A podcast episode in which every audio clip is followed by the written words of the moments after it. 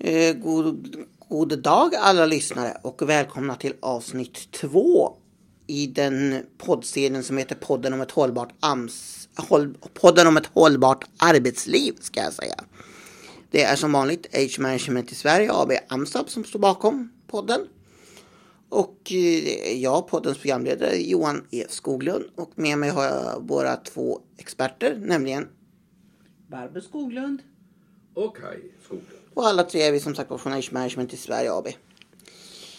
Och den här podden kommer att bli den första av tre. Ja, vi kommer till fler poddar än tre i den här serien. Men vi har tänkt dela upp detta ämne som vi ska prata om i tre delar. För det är så stort.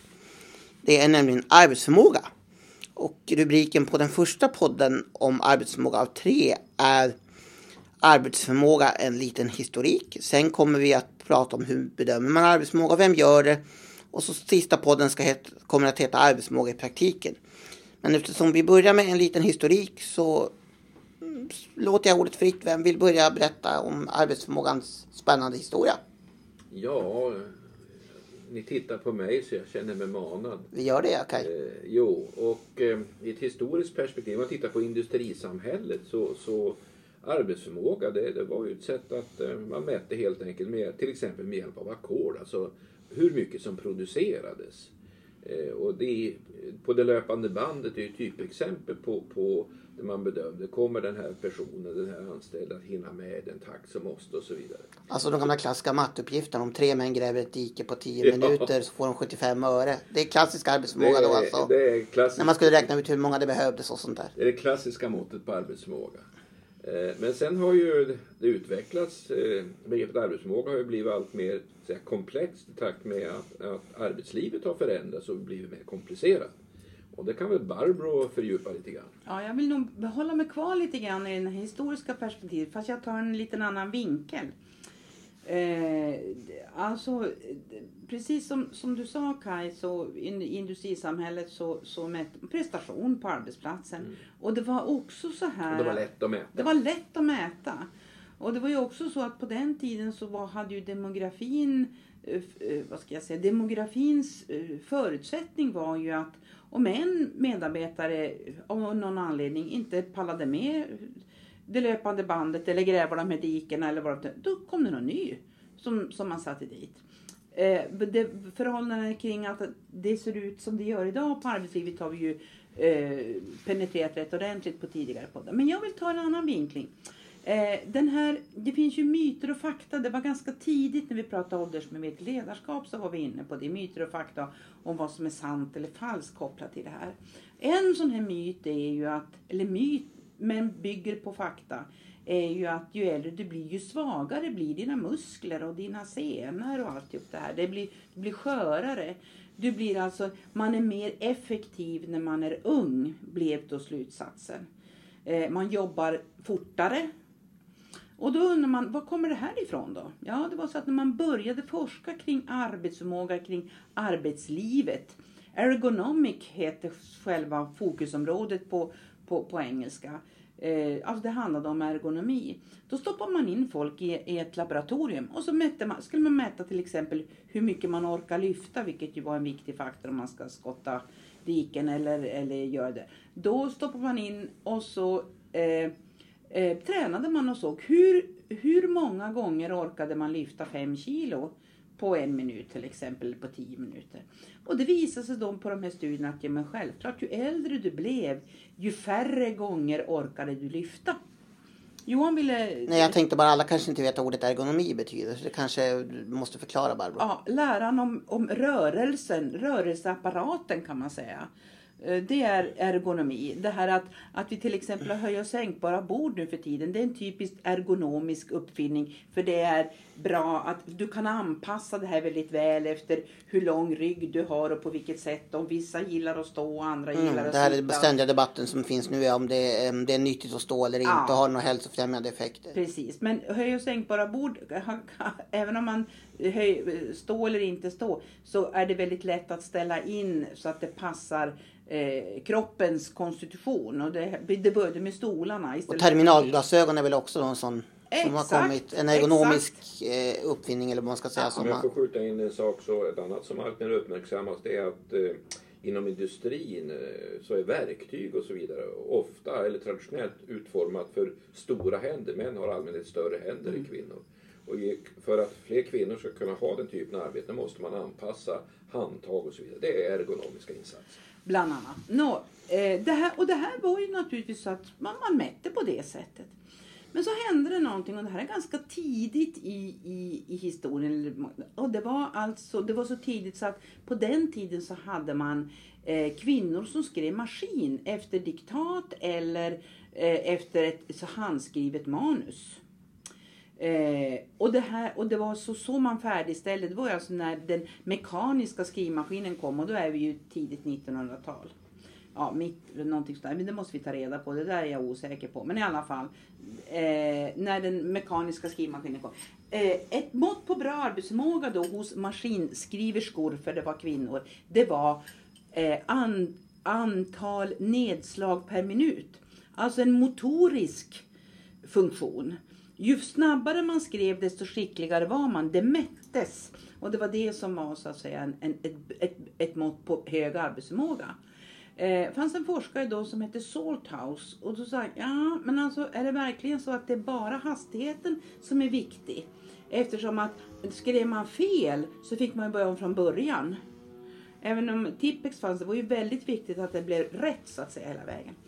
Eh, så han tittade på, på, på detta och det visade sig då att de erfarna maskinskriverskorna eh, de eh, skrev inte lika fort, alltså hade inte lika många nedslag i minuten som sina yngre kollegor.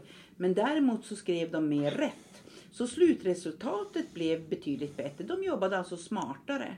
Och när man forskar vidare på det så upptäcker man att man hade alltså utvecklat en, ett sätt att eh, läsa av texten som gjorde att du, du snabbare kunde, kunde så att säga, ja, eh, att läsa av och, och det kompenserade dina eh, motoriskt mindre eh, flinka fingrar.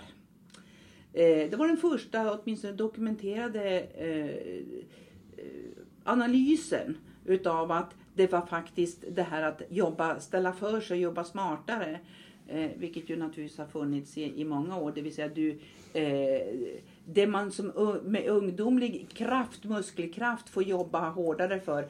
Så ställer den mer erfarna personen om sig så att du inte behöver anstränga dig så mycket rent fysiskt. det är ju intressant det där. För jag menar jag själv som är född 1978 och då började på, på högstadiet 1991. Har alltså läst maskinskrivning och hade fått lära mig att man skulle skriva med rätt fingersättning. Och man fick till och med ha ett speciellt skydd. Det fanns ett sorts skydd som man satte så att man inte skulle se då tangenterna så att man skulle lära sig att skriva med det här skyddet för så att man inte såg när man skulle skriva. Så fick man ha prov. Så fanns det färdiga texter man skulle skriva. Det var grejer det. Det var grejer. Jag vet inte om mina äldre me- medarbetare också har haft maskinskrivningskurser på, eh, under sin skoltid. Jo, ja, men jag valde det frivilligt. Det var, det var två grabbar och 30 brudar när jag gick i nian. Så det var ju halabaloo. Och jag har en helt annan vet. Min pappa eh, sålde skrivmaskiner. Mm. Eh, jag är uppvuxen med, med både skrivmaskiner och räknemaskiner och många olika saker. Men jag vet, det finns ett uttryck, bagarns barn. Mm. Ja. Eh, ma maskin, maskinförsäljarens dotter lärde sig aldrig skriva maskin. Jag vet fortfarande inte hur många gånger han tog hem just en liten eh, skrivmaskin. Eh, med just det här, det här blindskrivnings... Eh, det var som en pappers... Eh, hetta kan man säga, en pappersskärm. Och så ska jag lära mig det där. Jag skriver rätt flinkt nu på min, min dator. Men jag började först skriva själv när vi, vi blev företagare för 17 år sedan. Men det där var en liten utvikning från eh, arbetsförmågan. Ska vi gå tillbaks till dess historia eller? Ja, jag skulle vilja ta ett eh, annat mycket känt exempel på hur arbetsförmågan kan påverkas eh, av ska vi säga, externa faktorer. Eh, det finns någonting som heter Hawthorne-effekten och som väl ganska många känner till. Men bakgrunden var att, eh, om jag kommer ihåg rätt, så var det ett företag, en, en del av General Electric för övrigt i USA, eh, som hette Hawthorne. Och där, där jobbade sömmerskor. De sydde. Och det här var på 20-talet och då var det några forskare som hade en teori om att om man ökade... Du menar alltså 1920-talet? 1920-talet, ja, inte, ja just det. Eh, vad skulle det annars vara för 20-tal? Ja, snart. bra fråga. Ja. I alla fall så hade forskarna några forskningsteorier om att ljuset hade stor betydelse eh, för, för arbetsförmågan. Att man kunde, ju ljusare det var desto bättre arbetade man. Och det testade man på de här sömmerna på den här Hawthorne-fabriken. Och- Sömmerskorna. Sömmerskorna. Och man, man satte in lite starkare glödlampor så mätte man och de sydde snabbare.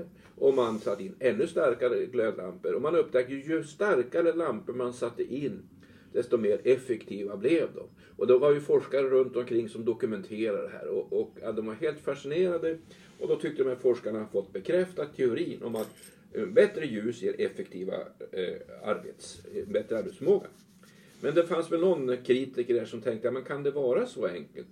Och gjorde precis tvärtom. Man sänkte ljuset så det blev mörkare och ju mörkare det blev desto mer, eh, desto mer eh, jobbade de och ännu effektivare blev de.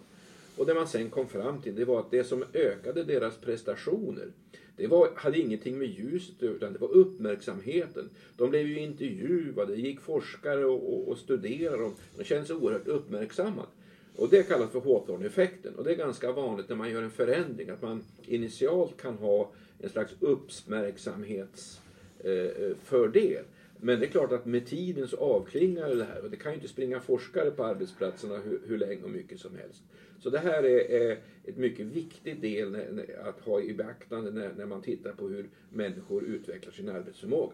Även, eh, får jag tillägga där en reflektion, även hälsoperspektivet ka- det här, ni vet, man, man sätter in åtgärder och nu har vi gjort så här på den här arbetsplatsen, vi har gjort si och så och, och vi får sådana fantastiska resultat. Sjuktalen går ner, eh, det vill säga arbetsförmågan stärks eh, och de kommer att arbeta. Och då eh, säger vi alltid till oss själva om när vi får uppdrag eh, Eh, så säger vi så här, man måste vara eh, beware, alltså vara uppmärksam på att det inte är en Hawthorne-effekt. Det vill säga det här att vara sedd och uppmärksammad gör att du får en... Men man måste, det är ett tidsperspektiv, det ska hålla över tid.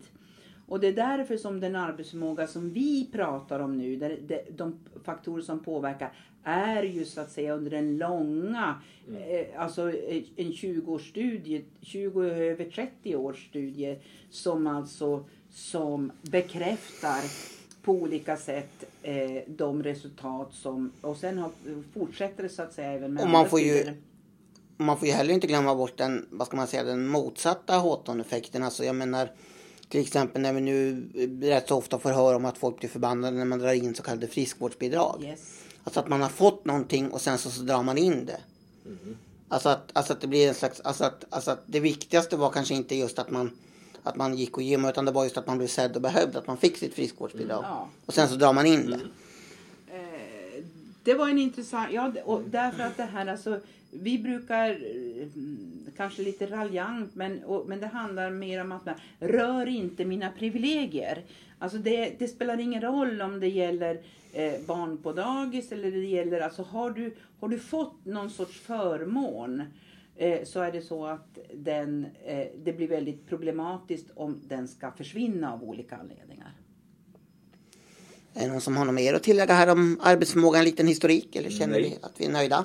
Jag tror att vi har eh, täckt upp det vi, det vi planerade att täcka upp. Man var bra, då får vi be er att få tacka, tacka och säga att vi avslutar avsnitt två och i podden om ett hållbart arbetsliv, arbetsförmåga, en liten historik. Och så ber vi att få återkomma med avsnitt tre. Hur bedömer man arbetsförmåga och vem gör det? Ska vi, ska vi svara på då. Och vi som tackar för oss är Johan E Skoglund Barbro Skoglund. och Kaj Skoglund. tack och hej!